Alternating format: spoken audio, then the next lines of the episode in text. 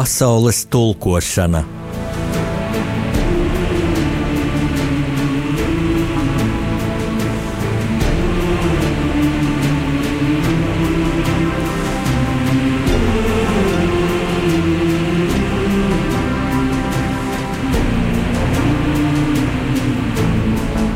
Studijā rakstnieks Jānis Udris.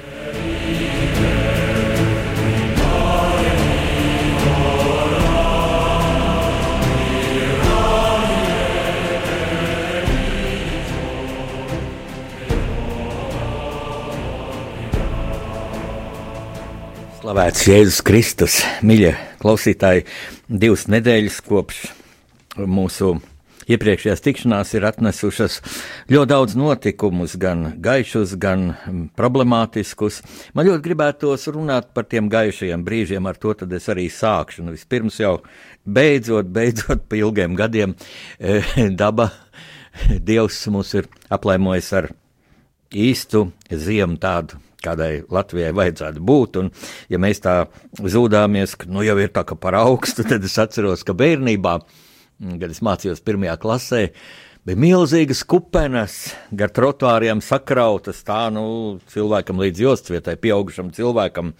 Un mēs bērni bieži bijām priecīgi, ka nebija jāiet uz skolu, jo temperatūra bija mīnus 25 grādi un, un vēl zemāka. Lūk, tās bija tas Latvijas ziemas, un mm, patiesībā man šīs eh, tādas saules apmirdzētās dienas mirdzošā sniegā man mm, izsauc nostalģiskas atmiņas pēc bērnības. Taču ir arī notikumi ar pasaules vērienu. Lūk, beidzās mm, Ziemas olimpiāde Korejas republikā.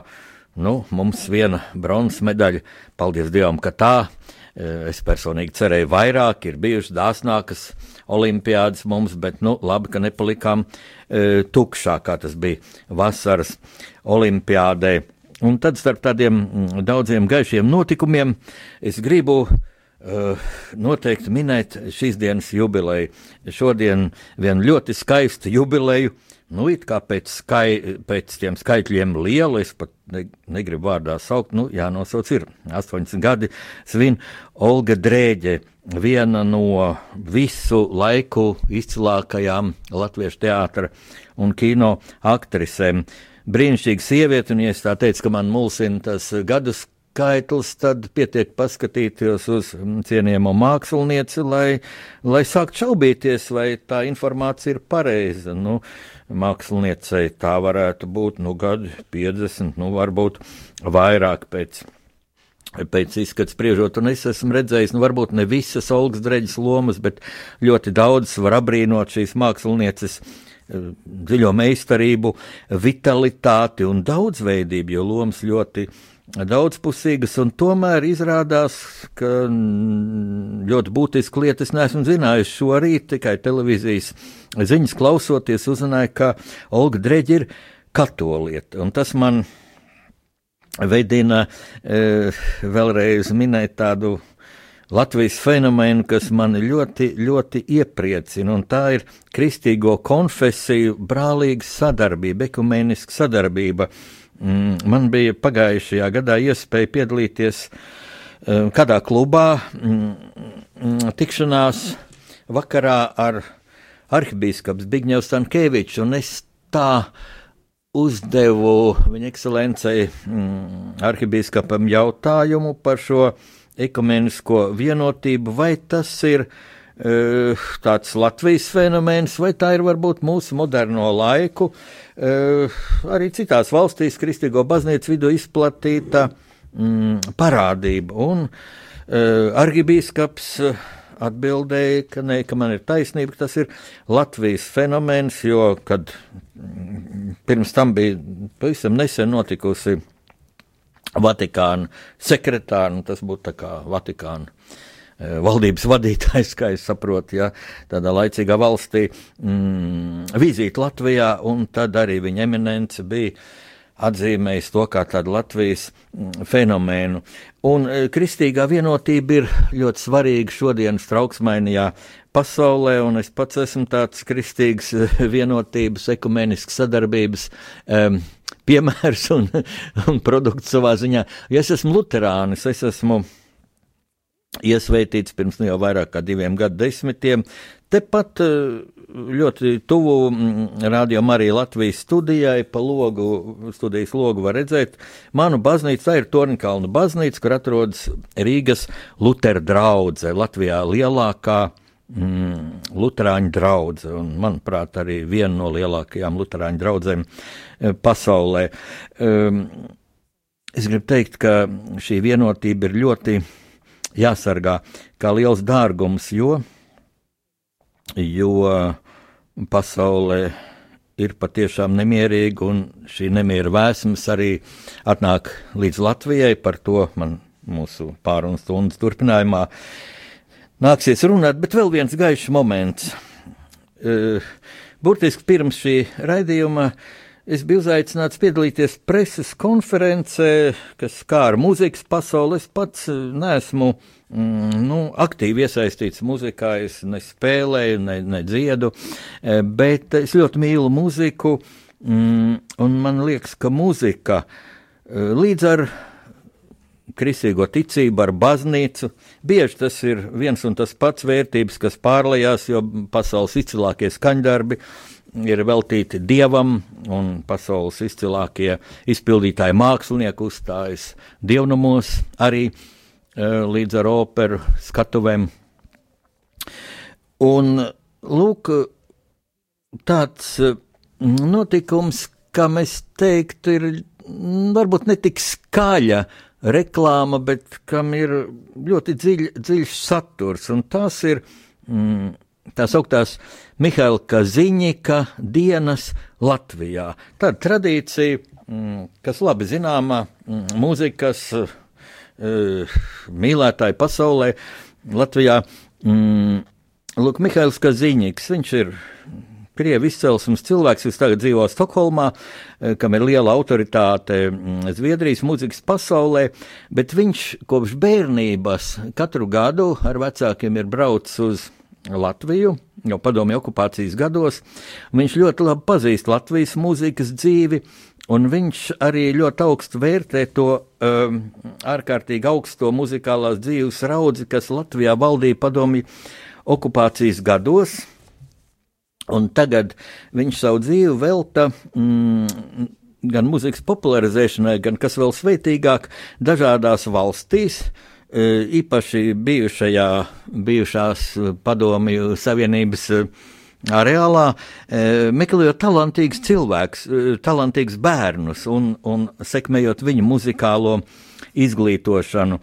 Un e, šajās dienās Mihaila Kaziņika mm, šīs dienas mm, Latvijā iezīmē vairāki augstas raudas koncerti. Viens no tiem būs jau rīt vakar, pulkstens astoņos, tepat jau minētajā Torņkalna baznīcā notiks tāds ļoti interesants uh, koncertu uzvedums - Mocards un Saljērī. Nakts mistērija, Mocards un Saljērī negaidīts skatījums, kur piedalīsies pasaules mēroga zvaigznes met, uh, uh, Monika Makdonalda un bijušais lielā, Maskavas lielā teātra solists Tagad viņš eh, dzied Ņujorkā Mihails Svetlovs un vēl cits mūzikas zvaigznes, un var ar prieku teikt, ka tur arī ērģelis spēlēs mūsu eh, ļoti talantīgā, es teiktu, izcilā ērģelniece, Rīgas Lutera draugs ērģelniece Ingūna eh, Grīnberga.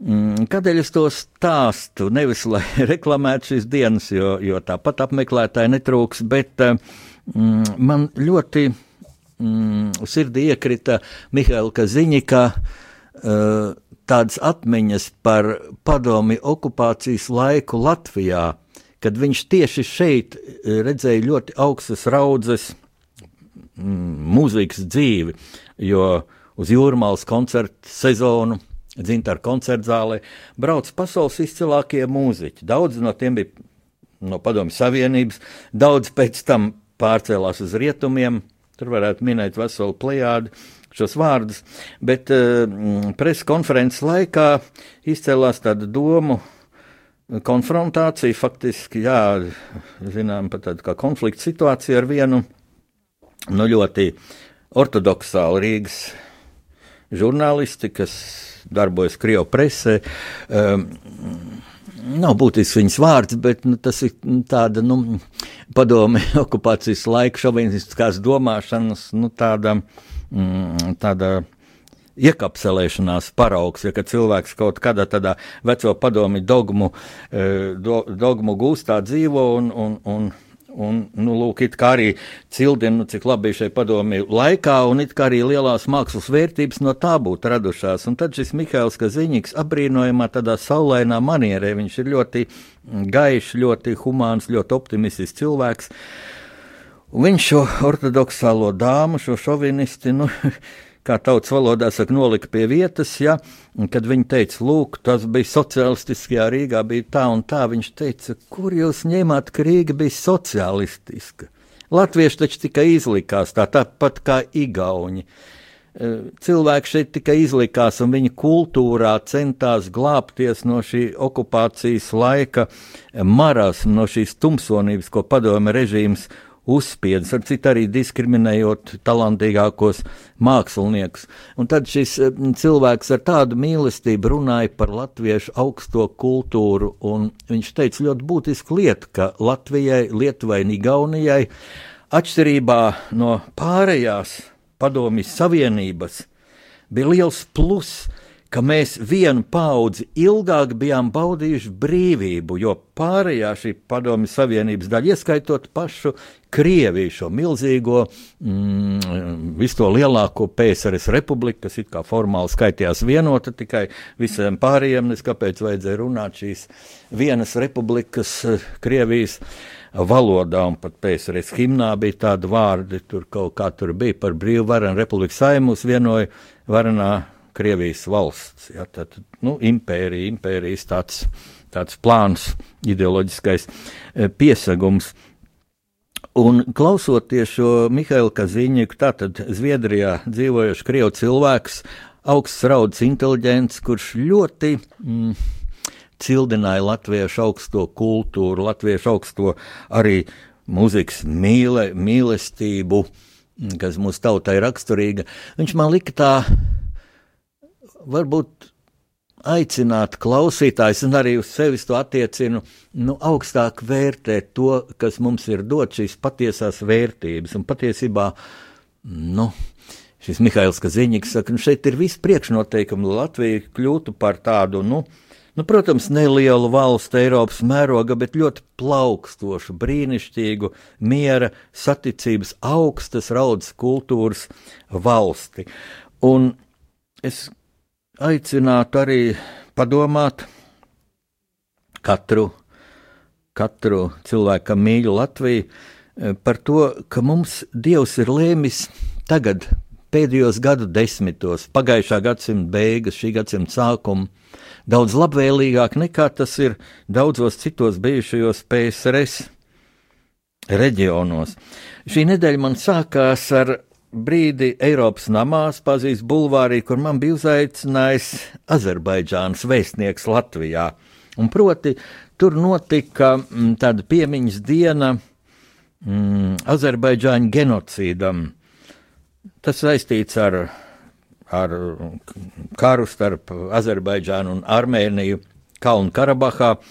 Kara darbība risinājās vairākus gadus, no 80. gadu beigām līdz 90. gadu sākumam. Uh, Un lūk, 92. gadā naktī no 25. uz 26. februāri vienā no kalnu Karabahas ciemiem, Hojalu ciemā, Hojalu ciemā e, tika izdarīts drausmīgs noziegums. Prāts brīžiem atteicās klausoties tos faktus, pat ticēt, ka kaut kas tāds ir iespējams un kaut ko tādu var izdarīt civilizēta tauta, pie tam kristieši, armēņi. Uh, Bet tūdaļ es gribu teikt, ka es to netiecinu uz visu armēņu tautu. Tā bija šīs tautas kaut kāda, nu, apkaunojošā daļa, un armēņi droši vien var likt pretī kaut kādas nozieguma faktus atkal no otriem kaimiņiem, Azerbaidžāņiem.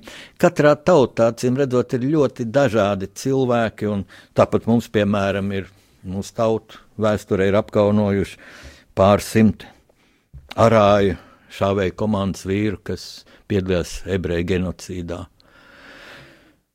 neesam vainīgi, bet esam atbildīgi par to, lai nekas tāds vairāk nenotiktu. Lūk, šajā Hojalu ciemā tika mm, iznīcināti, pie tam ne tikai nošaut, bet dažādos citos vērīgos veidos nogalināt, pat nositot ar cirvi un, un saskaldot gabalos. Mm, vairāk kā 600 cilvēku, starp tiem vairāk kā 100 sievietes, 63 bērni, 70 sirmgalvi. Tas bija briesmīgi, un tas arī nepārprotam tā ir bijis, jo mm, to tos briesmīgos notikumus ir fiksējis viens lietuviešu žurnālists, lietuviešu kara žurnālists, kurš arī bija ieradies Eiropas namā, stāstīja par to un rādīja savu dokumentālo filmu. Nu, tie ir dokumenti, kurus nevar apstrīdēt. Un tad domājot par to, ka lūk, citām tautām arī šis pārejas laiks no padomju impērijas uz brīvu, suverēnu demokrātisku valsti ir bijis nu, ļoti traģisks. Man, man liekas, jā, mums ir ļoti, ļoti jānovērtē tas, ko Dievs ir devis mums dzīvot mierā, relatīvā labklājībā. Un padomāt, vai mēs izmantojam visas iespējas, ko šāda dzīve, ko šāda dievu žēlastība, vēsturiska mm, labvēlība mums dod, vai mēs izmantojam visas iespējas, lai tiešām attīstītu savu zemi, uh, mm, veidot savu nāciju tā, kā latviešu nācija to ir pelnījusi. E, šis e, Azerbaidžāņu genocīda piemiņas pasākums beidzās man ar lielu pārsteigumu, e, kad bija stāstījums par tiem traģiskiem notikumiem beidzies, filma bija parādīta, tad zālē ienāca skolēni, e, tādi ļoti skaisti jaunieši, un dziedāja. Un interesanti, ka tie bija Teikas vidusskolas audzēkņi. Un Teikas vidusskolai manā dzīvē ir īpaši nozīme bijusi, jo es šajā skolā mācījos no 1 līdz 8 klasē, pēc tam es pārgāju Rāņu vakaru skolu. E, to laiku tā nebija Teikas vidusskola, tā bija Rīgas 36. vidusskola, nu, bet atradās tajā pašā vietā pie kino Teikas. Vienīgi tajā laikā manā bērnībā tā skola bija visai neglīta, jo šī ēka bija celta kara vajadzībām, kā kara laika hospitāls Rīgā. Vairākas tādas mājas, viena ir vecmilgrāvie, vēl kaut kur ir.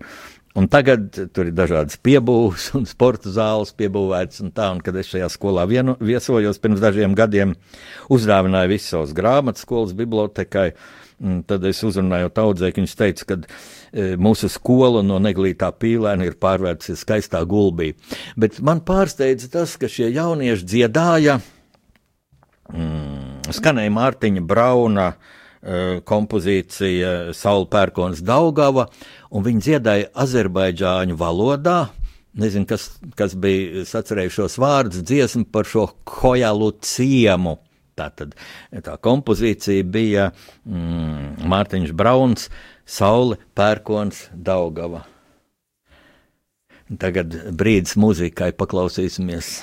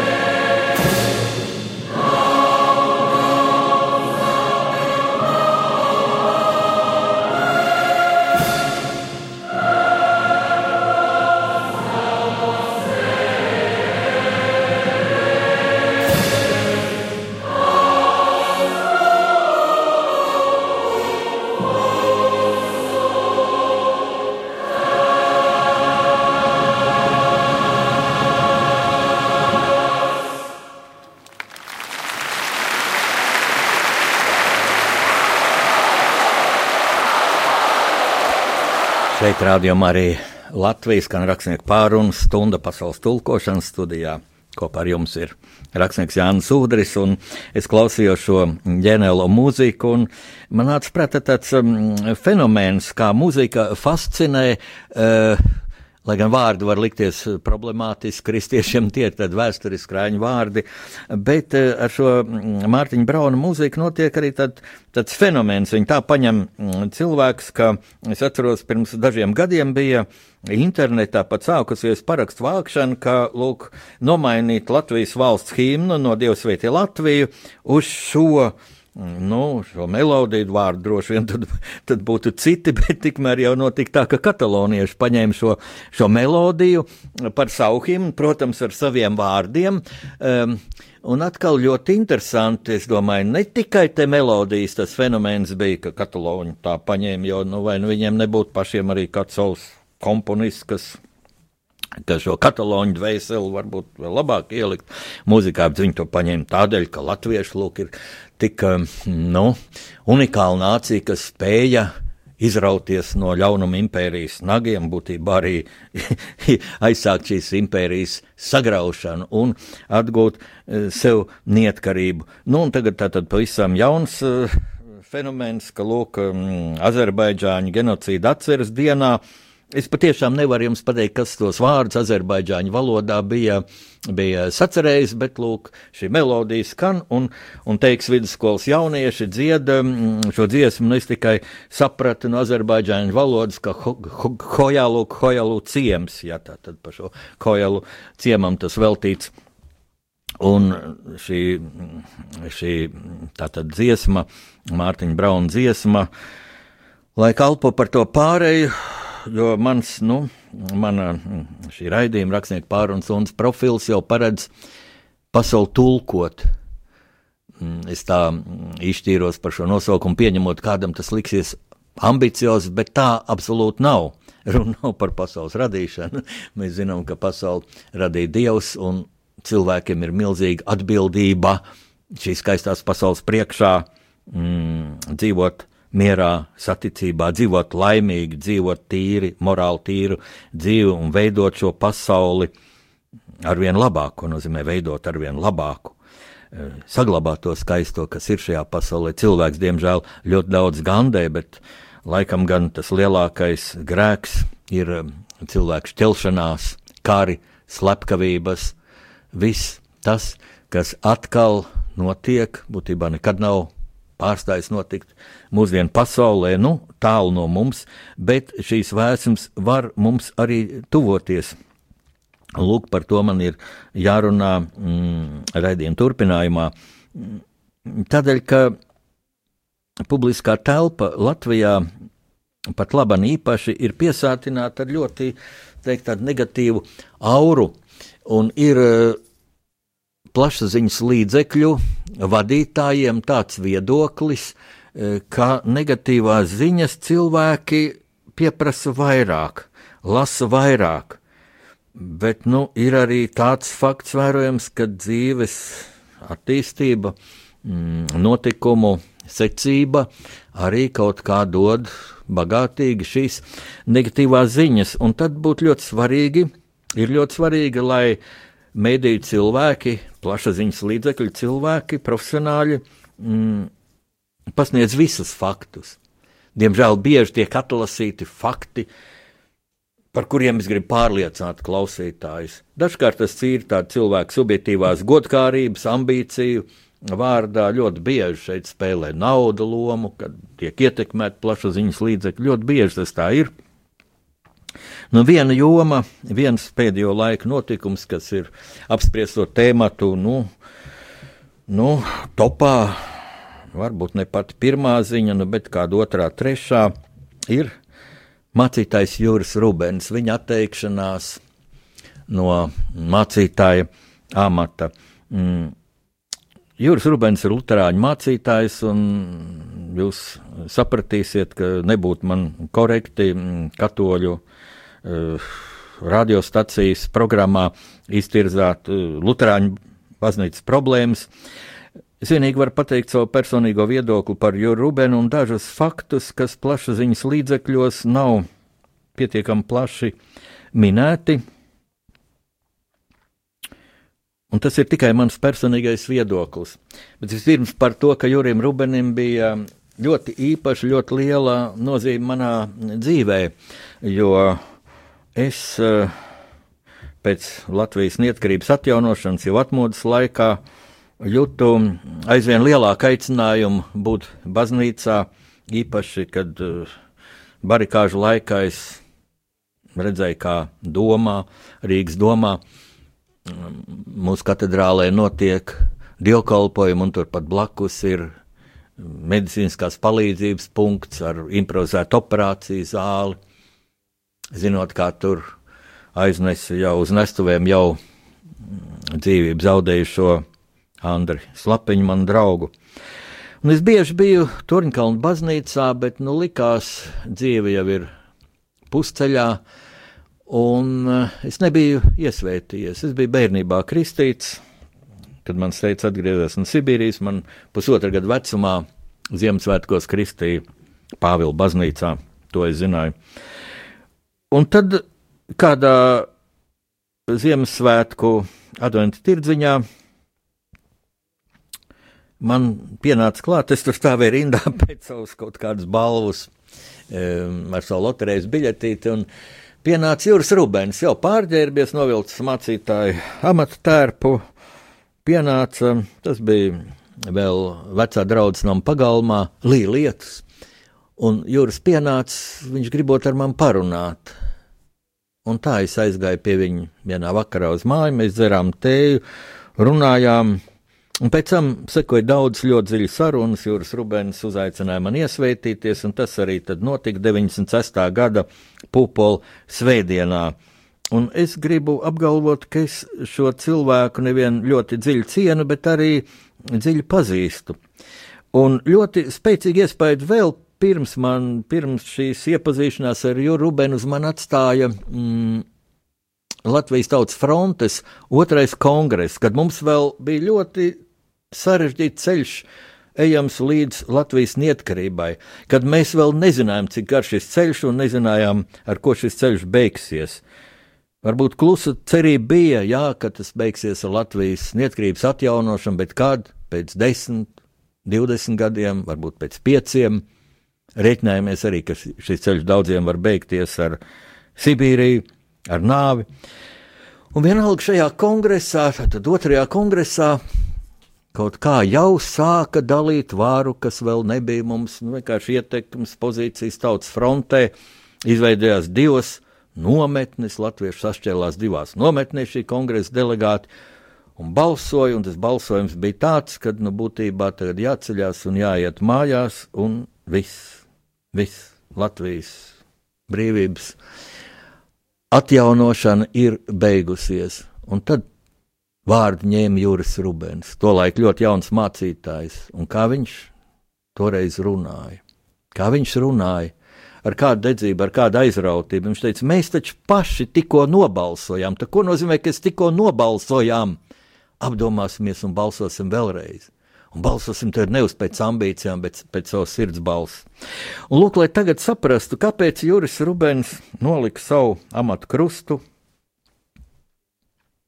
ir jāatcerās šī viņa stāja Tautas fronts kongresā, viņš novērsa šķelšanos. Un šoreiz arī, acīm redzot, notikuma attīstība ir bijusi tik strauja mūsu Lutāņu baznīcā, ka ir izveidojušies atšķirīgi viedokļi par to, teiksim, kāda ir mācītāja, nu, tie ietvari, kuros mācītājs darbojas. Eh, daļai mācītāju, acīm redzot, nepieņemam bija Jura Rubeņa publicistiskā darbība, viņa grāmatas, īpaši viņa mm, jaunākā grāmata, kas sacēla skandālu, kad radās tāda izteiciena, ka šo grāmatu vajadzētu sadedzināt. Nu, mani kā ierindas kristieti, kurš ir vairījies no kādiem vēlētiem amatiem baznīcā. Mani dziļi skumdina šāda šķelšanās, tas, ka dažādi viedokļi ir. Man liekas, tas ir loģiski, tā tas var būt. To visu vajag izdiskutēt. Bet, lūk, es zinu, ka šo rubeņu grāmatu kritizē cilvēki, kur to grāmatu nav lasījuši. Nu, tas ir tā ļoti dīvaini. Tā notika Padomju Savienības laikā, kad eh, vajāja Solženīcinu un teica, mm, nu, fabrikā strādnieki uzstājās mītiņos, teica, es to grāmatu neesmu lasījis, bet zinu, ka tā grāmata ir draņķis. Ja. Nu, žēl, un Rubeņa soli es personīgi saprotu tā, ka viņš atkal nolika šo savu mācītāju amatu, lai mm, novērstu baznīcas ķelšanos, lai sekmētu vienotību. Un uz šī viedokļa es kā ierindas kristietis, luterāns, aicinātu gan tos mācītājus, kas Jurubē nosoda, gan kas viņu aizstāv, tagad pielikt tam punktu. Jo Juris Rubens tātad lūk, šo soli spēra tieši tādēļ, lai izbeigtu ķildes. Tā es to saprotu. Ļoti būtiski, ka viņš palika draugs ar arhibīskapu Vanagu. Viņi jau ir sen draugi, sen cīņu biedri no atmodas laikiem, kad viņi riskēja ar savu brīvību, varbūt ar savu dzīvību, ka viņi nodibināja pretpadomju mm, tādu mācītāju organizāciju, ka viņas vajāja čeka. Uh, Un vēl jāteic, ka Juris Rubens jau vairākus gadus nekalpoja par aktīvu mācītāju Tornkalnu baznīcā. Varbūt tas bija saistīts arī ar viņa veselības problēmām. Viņš vada Elijas namu, mm, e, kur zemes piekrastē pie jūras lūžņā, kur cilvēki var pierakstīties. Tur allaži ir daudz cilvēku un, un grūtos brīžos rast tur garīgu mierinājumu. Tagad viņam atkal ir pavisam jauns projekts. Un uh, katrā ziņā Juris Rubens ļoti aktīvi kalpo dievam, un dievam šī pieredze un arī baznīcas vēsture rāda, ka var kalpot dažādos veidos, gan kā aktīvi vadot dievkalpojumus katru svētdienu, gan arī citos veidos skaidrojot dievu vārdu. Tas ir viens tāds, tāds fakts, kas ļoti satrauc cilvēks, un otrs ir, mm, protams, banku krīze, bet ne tik daudz varbūt tā kā runa par Latvijas tātad centrālās bankas prezidentu Ilmāru Rimšēviču. Un te atkal milzīga šķelšanās, un cits saka, tā viņam vajag, um, nu ko vajag. Pastāv nevainības prezumpcija, viņš vēl nav notiesāts, izmeklēšana notiek, nav pabeigta. Citi atkal saka, viņš ir absolūti nevainīgs, un šeit atkal es varu tikai aicināt uz tādu korektu attieksmi pret lietu, kas tiek izmeklēta.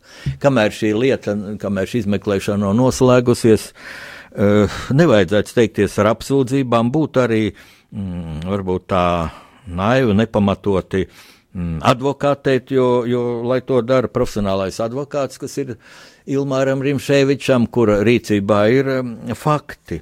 Es nepaudīšu savu kādu viedokli, man arī tāds nu, nevarētu būt. Es nezinu, pietiekami daudz faktus, lai man būtu savs viedoklis, nu, varbūt sava intuīcija, bet to es arī paturēšu pie sevis. Bet ir kāds cits ļoti, ļoti būtisks faktors, kas mani patiešām satrauc. Ka lūk, ir parādījušies ļoti būtiski un autoritatīvi tādi viedokļi, ka šī visa šī notikuma gūzma, šis komplekss, ja, mm, ir saistīts ar hibrīda kara uzbrukumu Latvijai.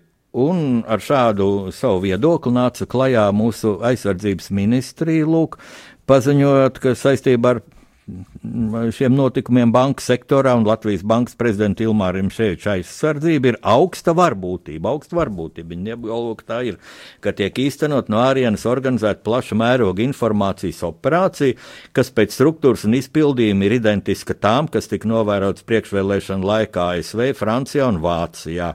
Lūk, tā paziņojumā mēdījiem pieļāva aizsardzības ministrija. Un tālāk ļoti pārliecinoši fakti. Lūk, ka ministrijas analīze liecina, ka šīs operācijas avots, esmu šeit presa žurnālista Karlo. Piovāno tvīts, kas bija vietots Twitterī 19. februārī ar saiti uz um, vietni, esmu šeit ir presa news un fotografiju, kurā redzam šis bankas prezidents. Un te man pārsteidz tas, cik mēs tā vienpusīgi pieejam Nu, fotografija viltojums, jā, nu, jā viltot fotografija, tādas viltotas montāžas ir plaši izplatīts pasaulē. Es atceros, kad es mācījos skolā, tas vēl bija Staļina laiks, pirmajā klasē, kad biju. Un tad bija ļoti izplatīta fotografija, ka Ļeņins un Staļins Gorkos sēž uz, uz soliņa un tā idiliski sarunājas. Tā, bet tā fotografija bija tik primitīvi viltot, ka pat man kā bērnam likās, viņa tās pozas tādas tādas nu, nedabīgas. Nu, toreiz vienkārši izgriez ar šķērēm, to Staļinu pielīmēja klāt Ļeņinam, Ļeņinam uz soliņa.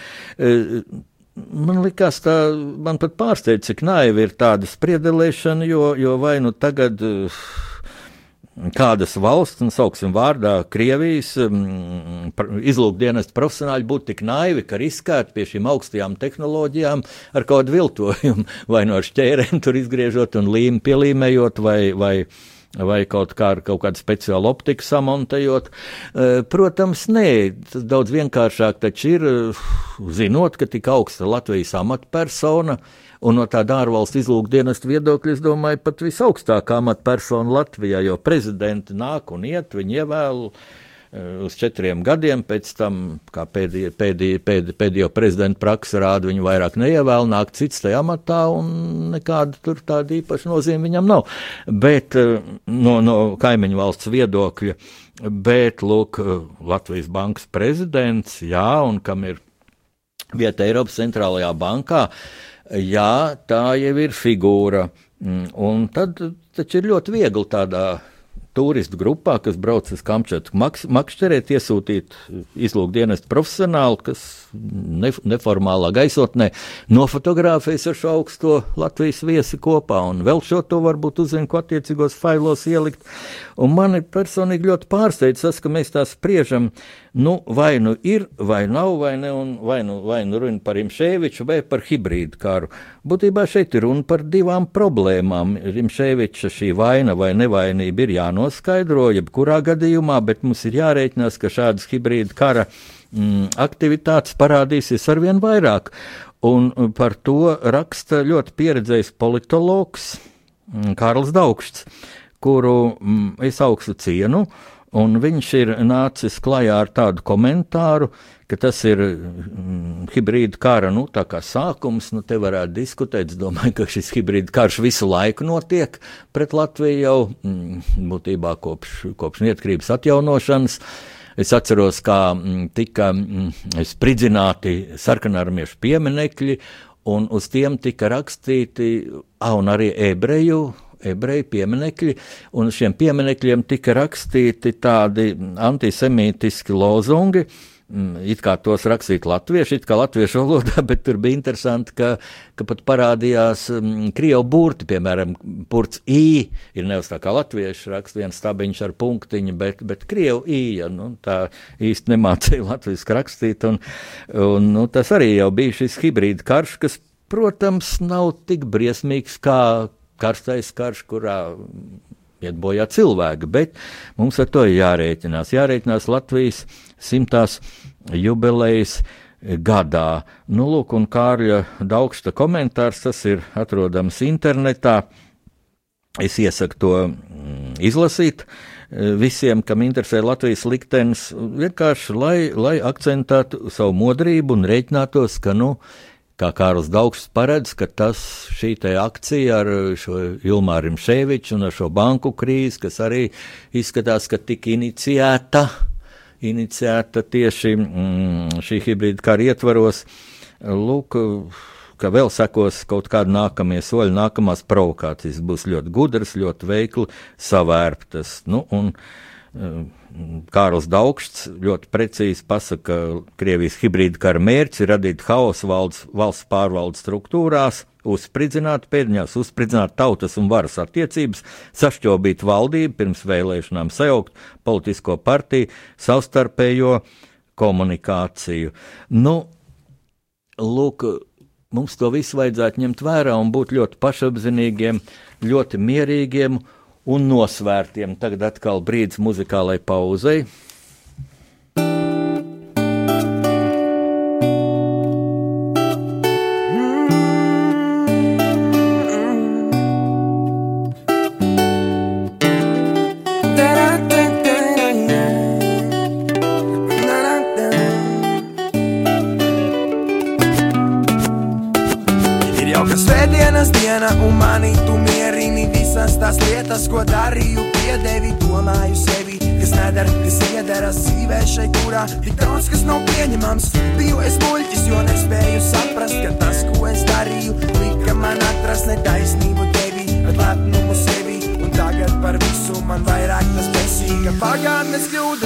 Labot es nevaru, visas tās reizes, kad teicu, es negribu, tur pagāna apsolos es no visas spēka, censties un tiekties uz dzīvi bez grēka. Lai arī zinu to, ka tas pat nav iespējams manīt, tik gaisma tik spoža no dienas skata. Tu parādīji to, kā var šeit mieru rast. Un tagad gribu pasaulē es pastāstīt, ka tas ir vienīgais ceļš, pa kuru ejot tu brīvi. Vari sajust dieva žālstību šo par spīti tam, ko esi darījis un ņēmis sev līdzi. Tāpēc viņš par tevi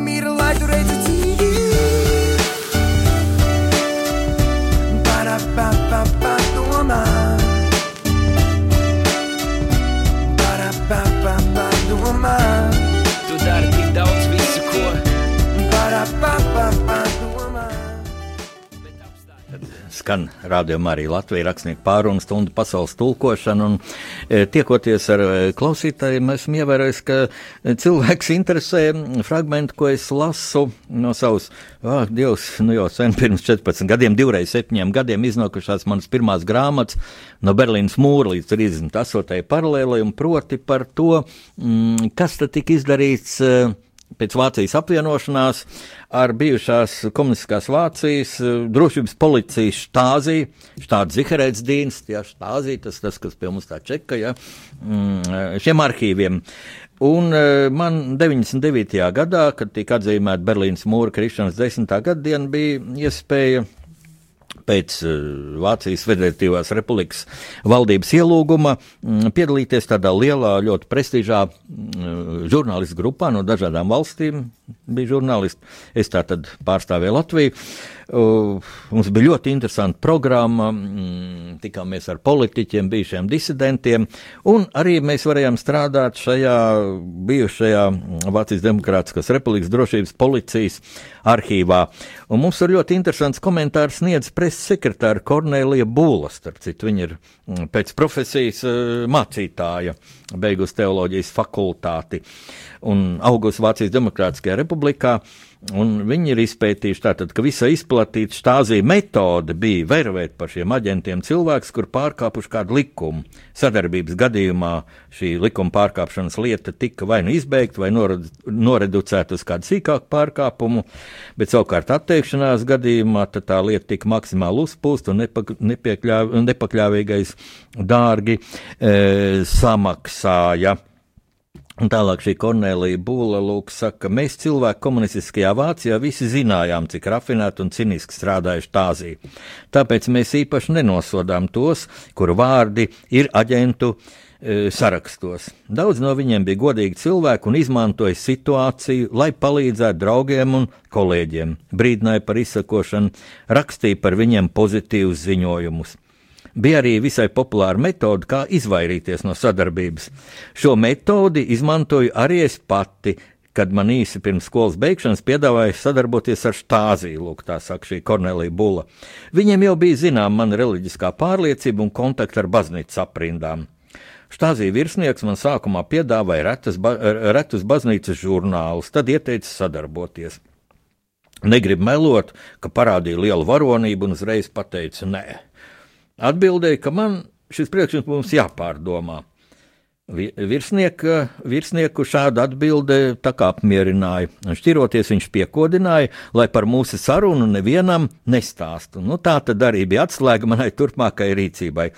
Pastāstīja par mani, man parādīto godu, pēdiņās man parādīto godu veselai virknei meiteņu, nu, tām lielākajām pļāpām, ja visām piegodinot, lai tikai nevienam nestāstu. Nu, ar to tad arī pietika, lai štāzīja man norakstītu kā vieg, viegprātīgu, pļāpīgu skuķi. Kornēlī nosmējās. Nu, pasmiesimies arī mēs, jo man bija jāanalizē tādi satraucoši un diezgan dramatiski arī notikumi, bet patiesībā jau es gribu gribu vēlreiz atgādināt uh, sava mācītāja Jūra Rubeņa vārdus, ko viņš man pateica kādā situācijā, kad es ļoti smagā brīdī biju aizgājis pie jūra. Tādā smagā brīdī, kad es biju publiskajā telpā, ļoti smagi apmelots un stāstīju viņam visu. Viņš teica, zini, nevajag tā uztraukties, tas viss tā ir pārējoši, jo kā bija patiesībā, to zini tu pats, un to zina Dievs. Nu, pārējais, kur ir meli, kur ir, kur ir aprunāšana, kur ir intrigas, kur ir cilvēku šķelšana. Nu, tas viss jau ir, lai ir uz to pārējo cilvēku sirdsapziņu. Nu, ar to es šodien gribu beigt, vēlot jums gaišu tādu dvēselis tīru gaveņu laiku un Dievu svētību, lai Dievs jūs svētī un sargā.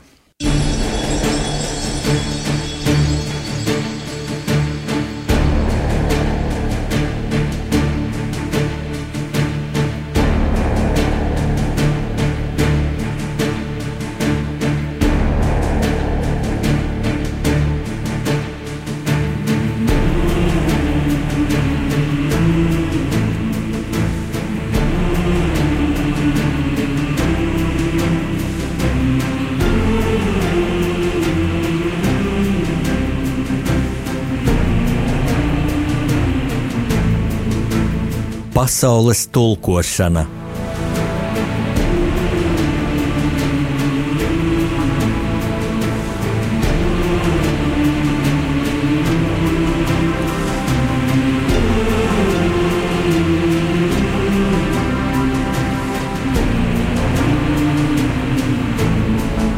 Studijā rakstnieks Jānis Udris.